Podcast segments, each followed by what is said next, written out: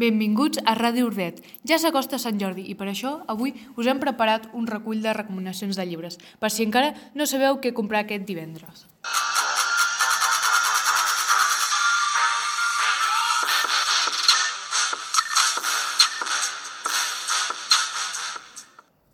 Començarem per una obra d'Albert Espinosa que es diu El món groc.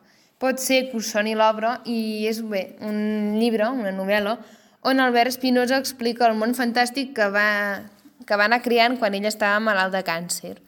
Per si no ho sabeu, Albert Espinosa és també l'autor de la sèrie Pulseres Vermelles, així que si us agrada, si us va agradar la sèrie, us recomanem molt el llibre. I doncs de fons us deixem la sintonia de Pulseres Vermelles.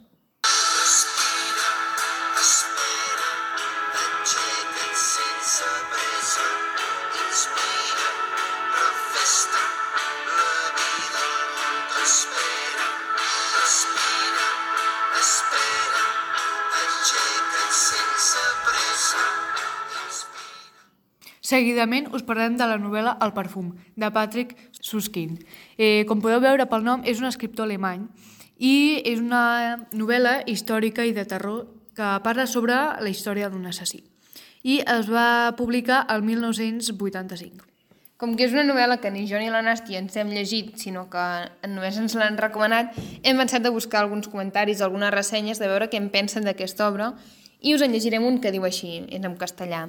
Nunca había olido una obra maestra de forma tan perfecta como el perfume. Un relato acerca del alma humana y de la carencia de esta misma. Transmite emociones y sensaciones tan palpables que te ponen el vello de punta. Te envuelve. I ara, si un cop he dit això, um, us parlarem de la trilogia La noia invisible que està dins la col·lecció de Blue Jeans. És de Francisco de Paula Fernández González, vaya nom, i és una història de misteri. La protagonista és una noia que podríem dir que és invisible, ja que ningú li fa cas, no té amics i s'aïlla de la societat. I un dia desapareix, coses que passen, no? I doncs en la, en la novel·la doncs, passen diferents coses sabent a veure què ha passat amb ella.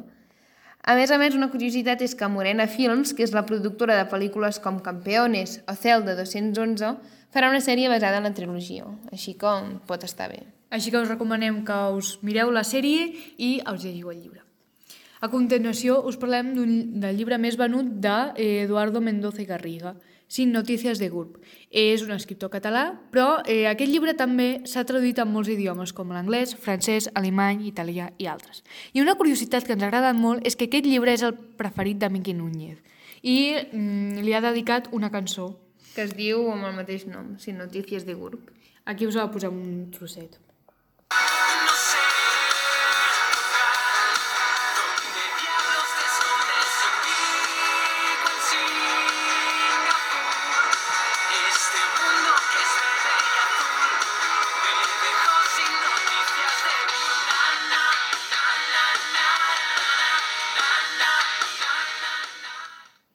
Parlant d'autors catalans, també us volem recomanar un llibre de la periodista Selena Soro, que és, es titula Misteris de la boira. És un llibre força actual, va sortir al setembre del 2020, i és de fantasia i tot i que pot semblar juvenil, mm, pot agradar molt a totes les edats.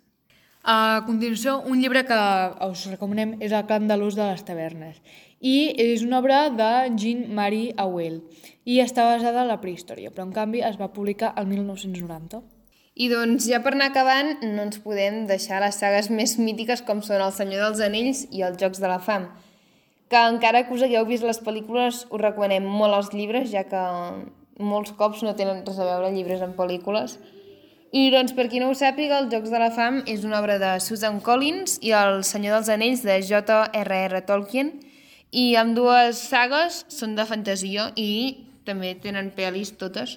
I per això us deixem ara de fons la sintonia del Senyor dels Anells.